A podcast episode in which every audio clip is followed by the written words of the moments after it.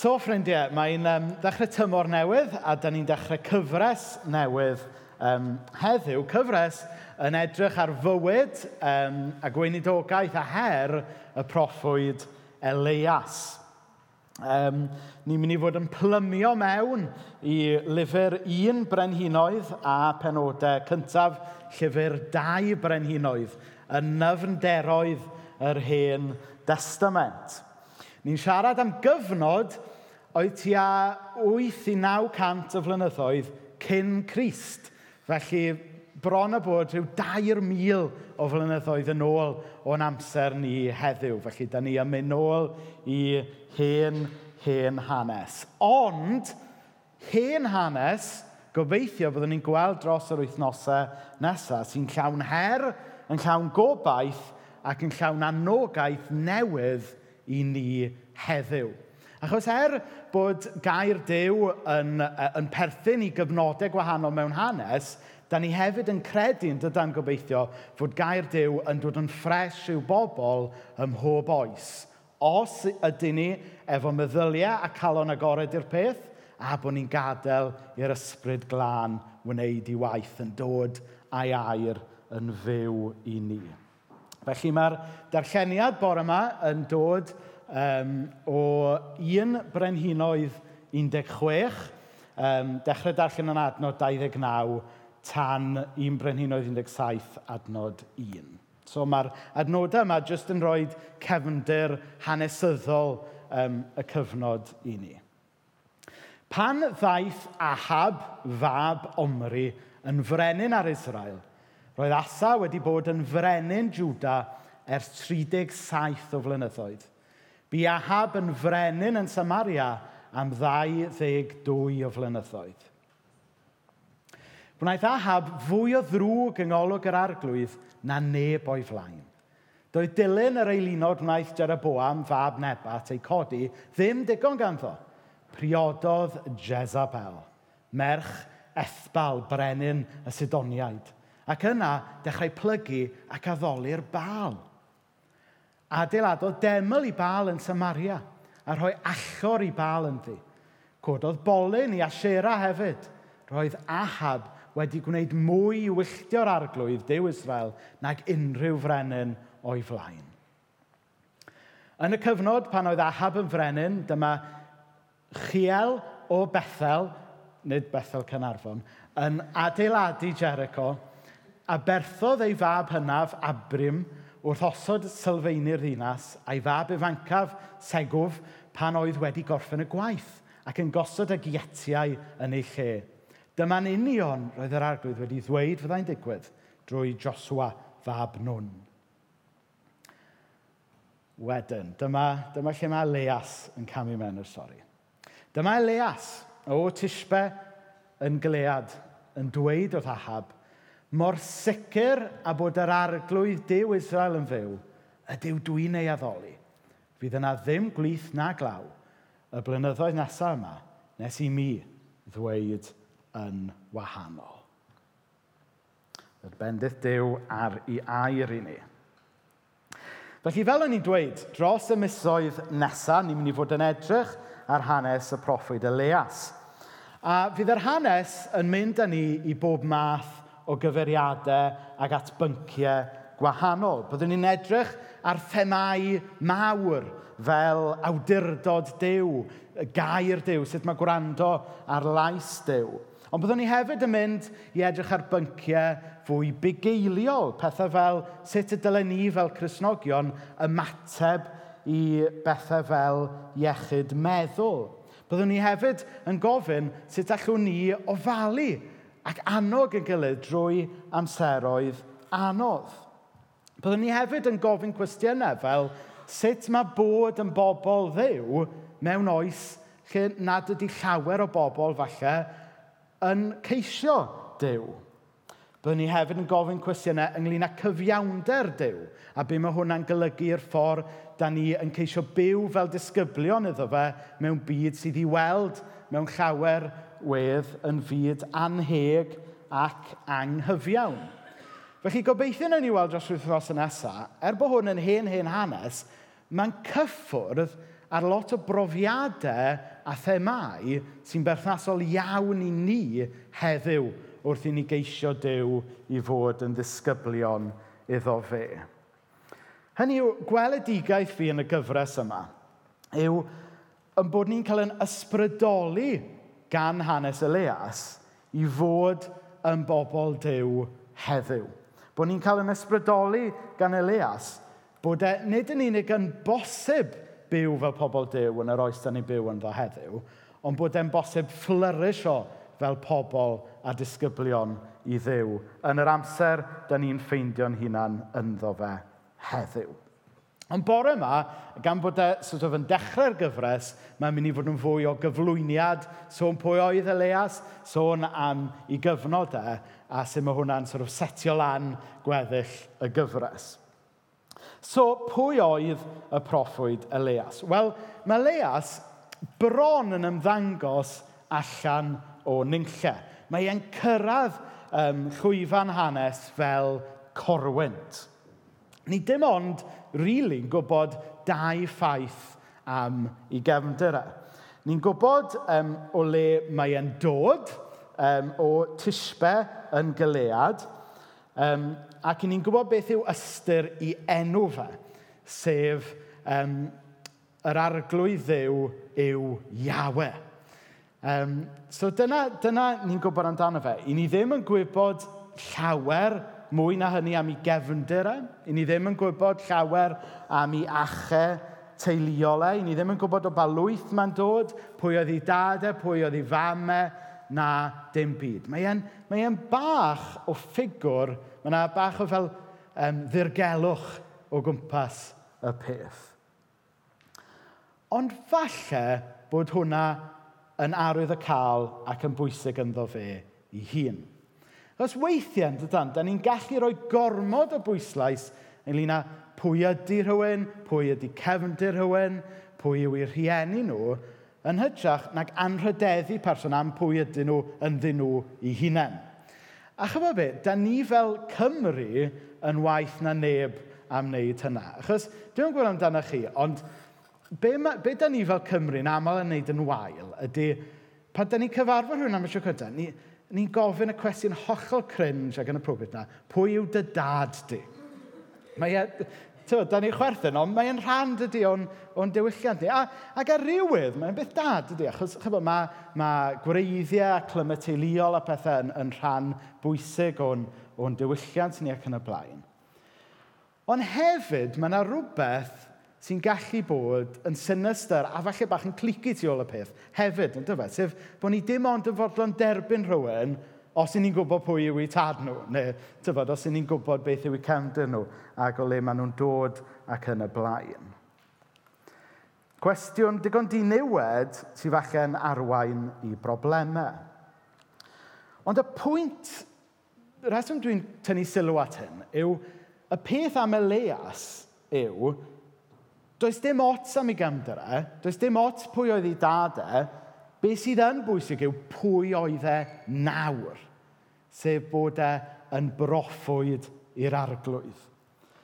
Sym ots o bagemder mae'n dod, sym ots pwy iddi dad e, ond mae'n bwysig pwy yw ei ddiw e. A bod y diw hwnnw ar waith yn ei fywyd e nawr. Dyna yw'r peth pwysig. A, a mewn ffordd, ddim bod fi eisiau gwneud yn fach o'n, on cefndiroedd ni a, a pwy yw yn tad ni ac yn y blaen. Chymod, mae pethau fel yna yn, tybod, yn, yn iawn yn ei le a chymod, mae gennau account ar, ar findmypast.com fel llawer ohonoch chi. Tybod, mae'n ddiddorol yn dydy. Ond does dim byd fwy pwysig na pwy ydyn ni nawr yn yr arglwydd. Dyna yw y cwestiwn ar ystyriaeth fwyaf pwysig. A oedden ni'n dweud, enw Elias, ystyr yr enw oedd, fy new yw Iawe. Ac yn amser yr Hen Testament, oedd, oedd hwnna'n digwydd yn aml, oedd, oedd lot mewn enw, oedd yn dweud rhywbeth. Felly dyna yw'r wers gyntaf dwi eisiau ni ddysgu o'r hanes yma am Elias. Mewn cymdeithas sydd falle'n rhoi llawer o sylw i statws rhywun, pwy ydych chi, o le chi'n dod, pwy yw'ch tad chi. Mewn, diwylliant fel yna, mae'n hawdd i bobl deimlo'n ddiwerth, chybod. Wel, dwi neb. Dwi ddim yn dod o deulu pwysig, dwi ddim yn perthyn i neb. Ac yn y byd Cymraeg, yn y byd Cresnogol Cymraeg, mae eisiau ni watcho'n hunan rhag hynny, yn does, chybod? Achos God has no grandchildren. Mae'n bwysig bod ni yn hawlio ffydd a dod i berthynas real efo Dyw drosto ni yn hunain ym mhob cenhedlaeth.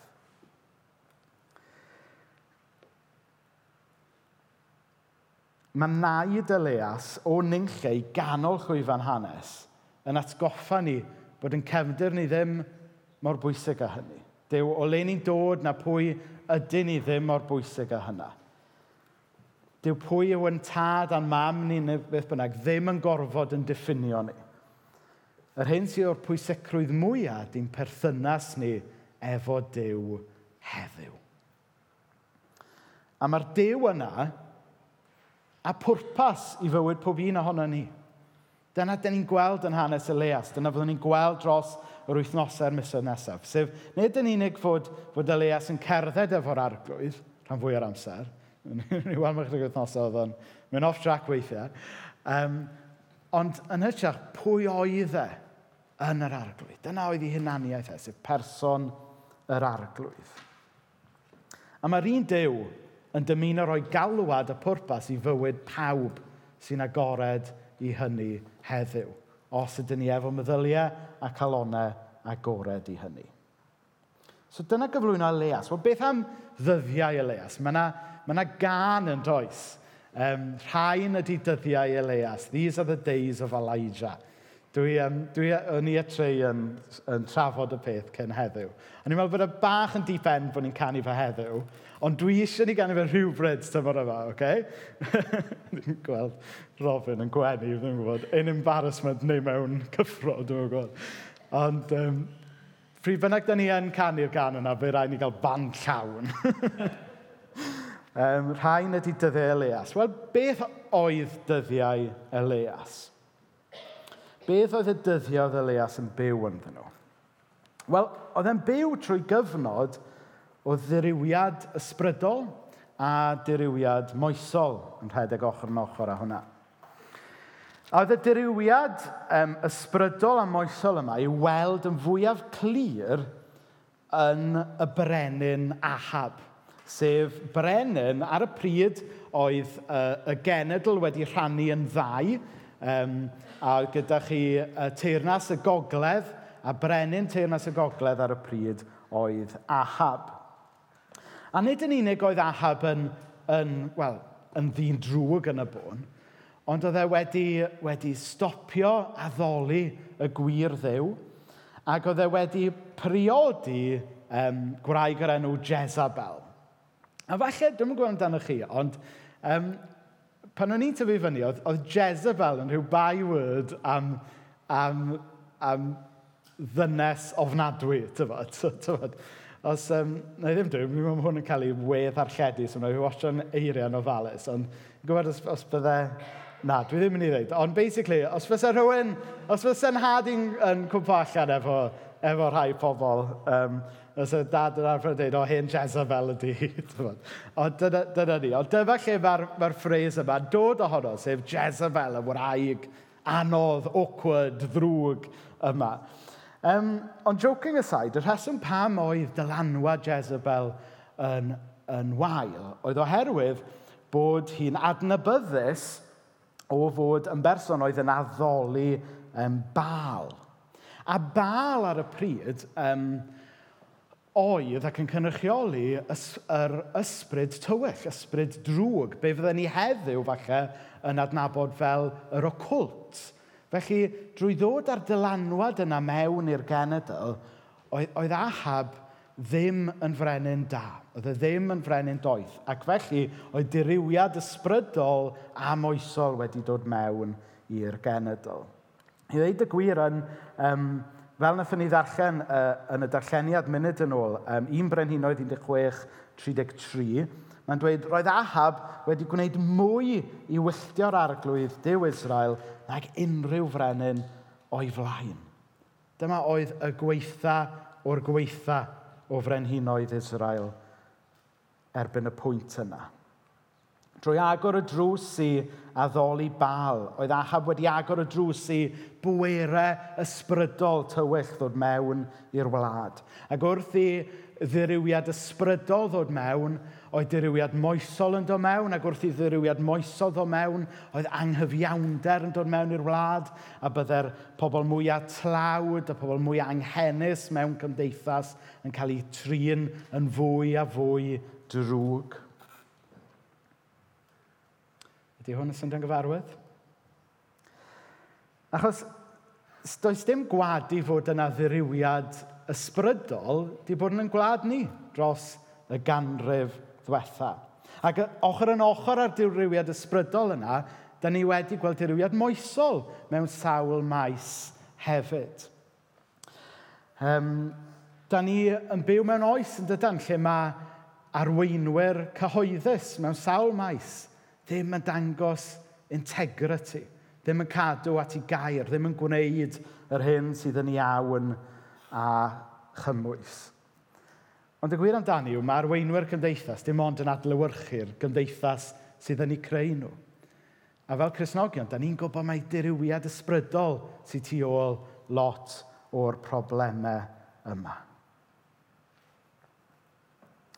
Falle bod llawer o bobl heb droi o'r cap capel ac o'r eglwys i addoli diwiau eraill yn yr, yn yr union rhywun ffordd a proffwydi bal, falle. Ond eto, da ni'n byw mewn oes le mae pawb yn dal i ddilyn rhyw fath o ddew, yn dydyn. A'r dew sy'n sicr yn fwyaf amlwg yn gymdeithas heddiw ydy materoliaeth ac unigolyddiaeth rhemp.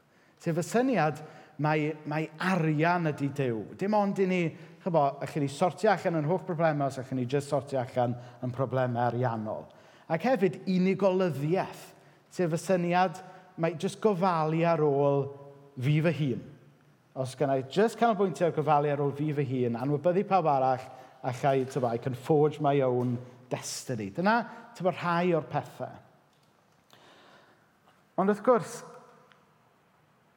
da ni'n byw mewn oes wedyn sy'n gwybod Pris popeth, ond gwerth dim byd. A da ni'n byw yn wahanol iawn i sut mae Dyw wedi'n creu ni. Mae Dyw wedi'n creu ni, nid i adael i gyfoeth yn rheoli ni, nid, nid i adael ni fod yn sort of, ddew ar yn destyn ni'n hunain. Mae e wedi'n creu ni i fod mewn perthynas efo fe i hun. Mae e wedi'n creu ni i fod yn addolwyr iddo fe. A, a mae addoli yn golygu lot mwy na jyst dod yma am awr ar ddydd i ganu cyneuon.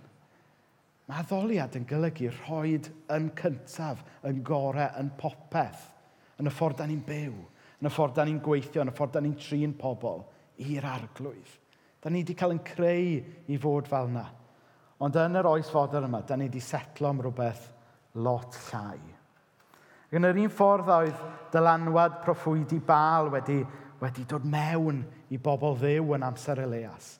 Gwir amdani yw, mae'r gwerthoedd y byd wedi dod mewn i mywyd i fel Cristion ac wedi dod mewn i'n bywyd ni fel eglwys. A mae'n bwysig bod ni'n agored i hynny a gwarchod yn hunain a bod ni eisiau fel yn nyddi Elias cael ein galw yn ôl at yn galwad cyntaf i'r arglwydd. Beth i ni felly yn wneud yn wyneb hyn? Oes yna rhywbeth allwn ni ddysgu jyst o'r adnod gyntaf yma am fywyd Elias ynglyn â'n postio ni, yn osgo ni fel Cresnogion yn yr oes da ni'n ffindo'n hun ynddo heddiw? Wel, oes. Mae lot newn ni ddysgu dros yr wythnos nesaf, ond yr un peth dwi eisiau ni ddysgu bore yma yw mai y peth cyntaf dylen ni wneud cyn unrhyw beth arall – ydy troi yn postio tuag at yr arglwydd. Tiwnio allan o sŵn a dylanwad y byd a tiwnio mewn i air ac arweiniad yr arglwydd. A ni'n gweld hwnna ar ddechrau penod 17. Mae Elias yn dweud, mor sicr a bod yr arglwydd Dyw Israel yn fyw, y Dyw dwi'n ei addoli. A wedyn mae e'n mynd mlaen i broffwydo, ond y pwynt ydy, mae e dim ond yn gallu proffwydo oherwydd bod e'n gyntaf wedi cymryd y postur yma o gyhoeddi fod yr arglwydd yn fyw a bod e'n dewis addoli y Dyw yna. Mae Dyw yn fyw. Ydyn ni'n credu fod Dyw yn fyw. Gobeithio yn bod ni. Achos os da ni ddim yn credu fod Dyw yn fyw, yna beth da ni'n neud yma? Pam da chi ddim wedi mynd am dro ar ddwrnod mor braf a hyn? Beth yw'r pwynt dod yma os nad ydy Dyw yn fyw? Ac os ydy Dyw yn fyw, mae e'n ddiw sy'n gwerth i addoli. Ac os ydym ni'n cael y posture yna yn iawn ger bron Dyw, bydd Dyw wedyn eisiau'n defnyddio.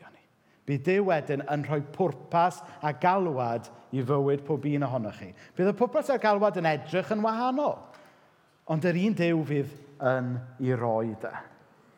Um, beth bynnag am gyd-destun ysbrydol yn cyfnod ni, beth bynnag am y diriwiad ysbrydol sydd yn gwlad ni heddiw, dyw e ddim yn newid y ffaith yn bod ni'n credu fod yn Dyw ni yn fyw.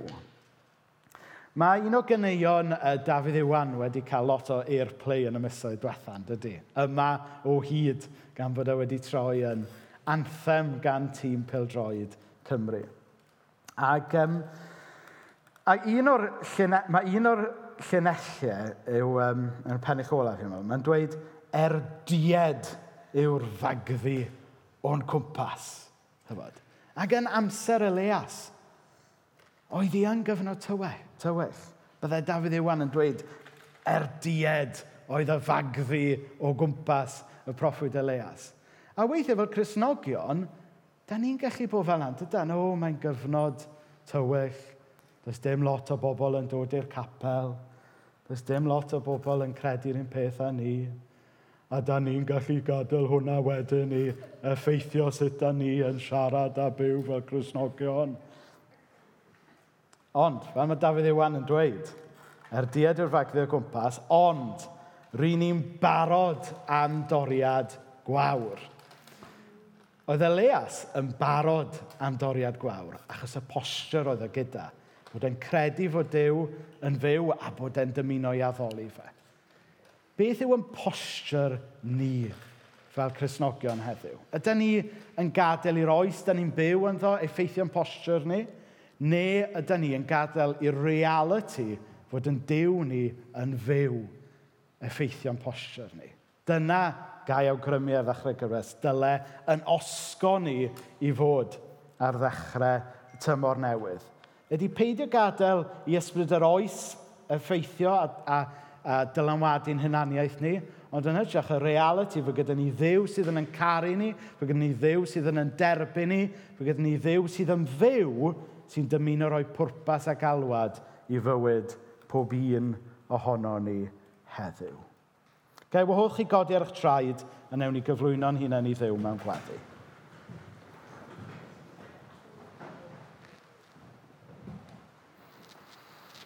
O ddew dad i ni yn diolch i ti um, am y neges syml yma gan Elias a ddechrau'r hanes yma. Bod e'n cyhoeddi fod i arglwydd yn fyw a bod e'n ddiw oedd gwerth i addoli. Ac o ddiw dad, i ni'n gweddio y byddwn ni hefyd yn cael profiad am y tro cyntaf falle neu o'r newydd o hynna bore yma. Y byddwn ni yn profi a gweld y diw sydd yn fyw a bydd yn calonau'n meddyliau ni'n cael ei droi i roi addoliad newydd a ffres iddo fe ar ddechrau tymor yma. O ddiw dad, i ni'n cyflwyno unrhyw un yma o ddiw dad sy'n ar groesffordd mewn bywyd o ddiw dad. Ddim yn siŵr le maen nhw'n mynd gyda unrhyw beth. A falle ddim yn siŵr le maen nhw'n sefyll efo ti. Wel, o ddiw dad, yn yr un ffordd yn ysdi roed galwad ar fywyd y leas, i ni'n gofyn i ti roed galwad i unrhyw un sydd ar groesffordd heddiw unrhywun sydd ddim yn siŵr pa lais i wrando arno fe mewn byd o leisiau, i ni'n gofyn i dy lais di godi uwch ben pob un arall bore yma yn y meddyliau'n calonau ni. O ddiw dad, i ni'n gofyn i ti warchod ni rhag ysbryd yr oes.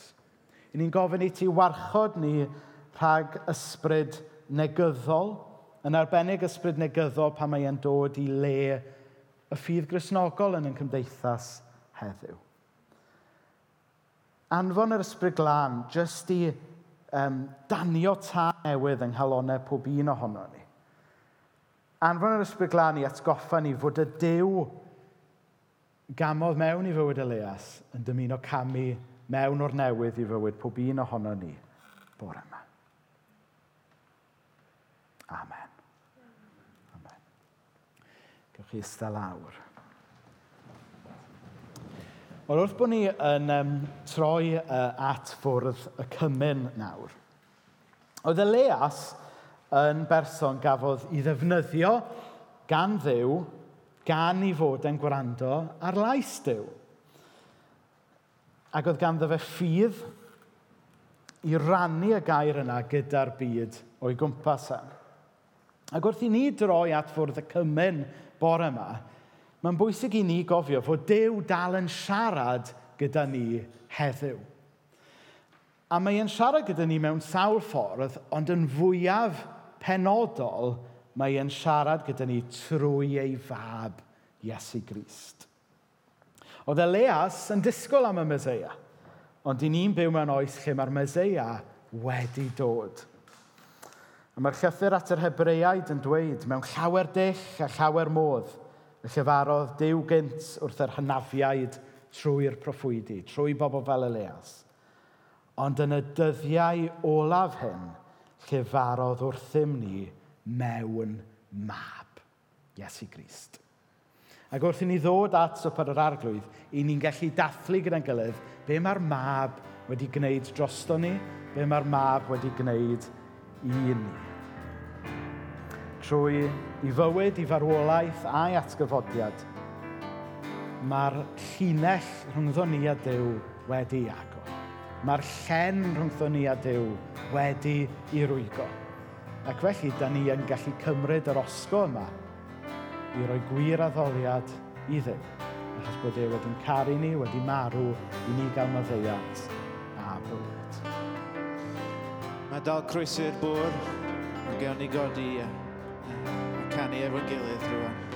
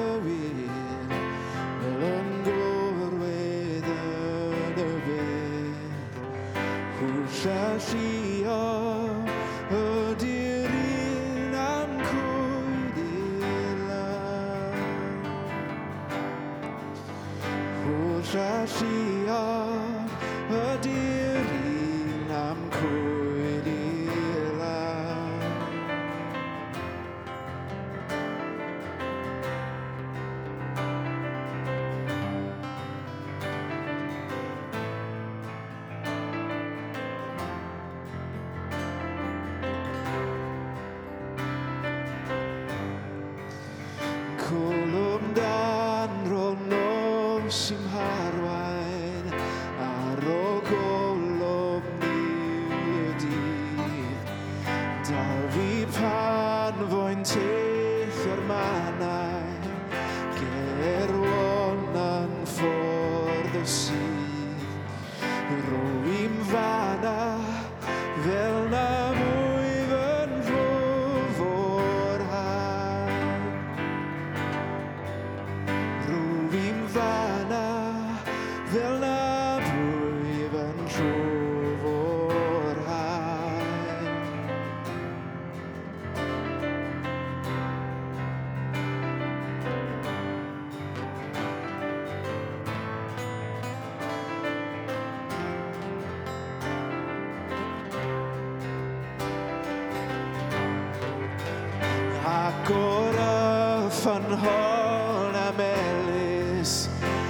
levantar Dios.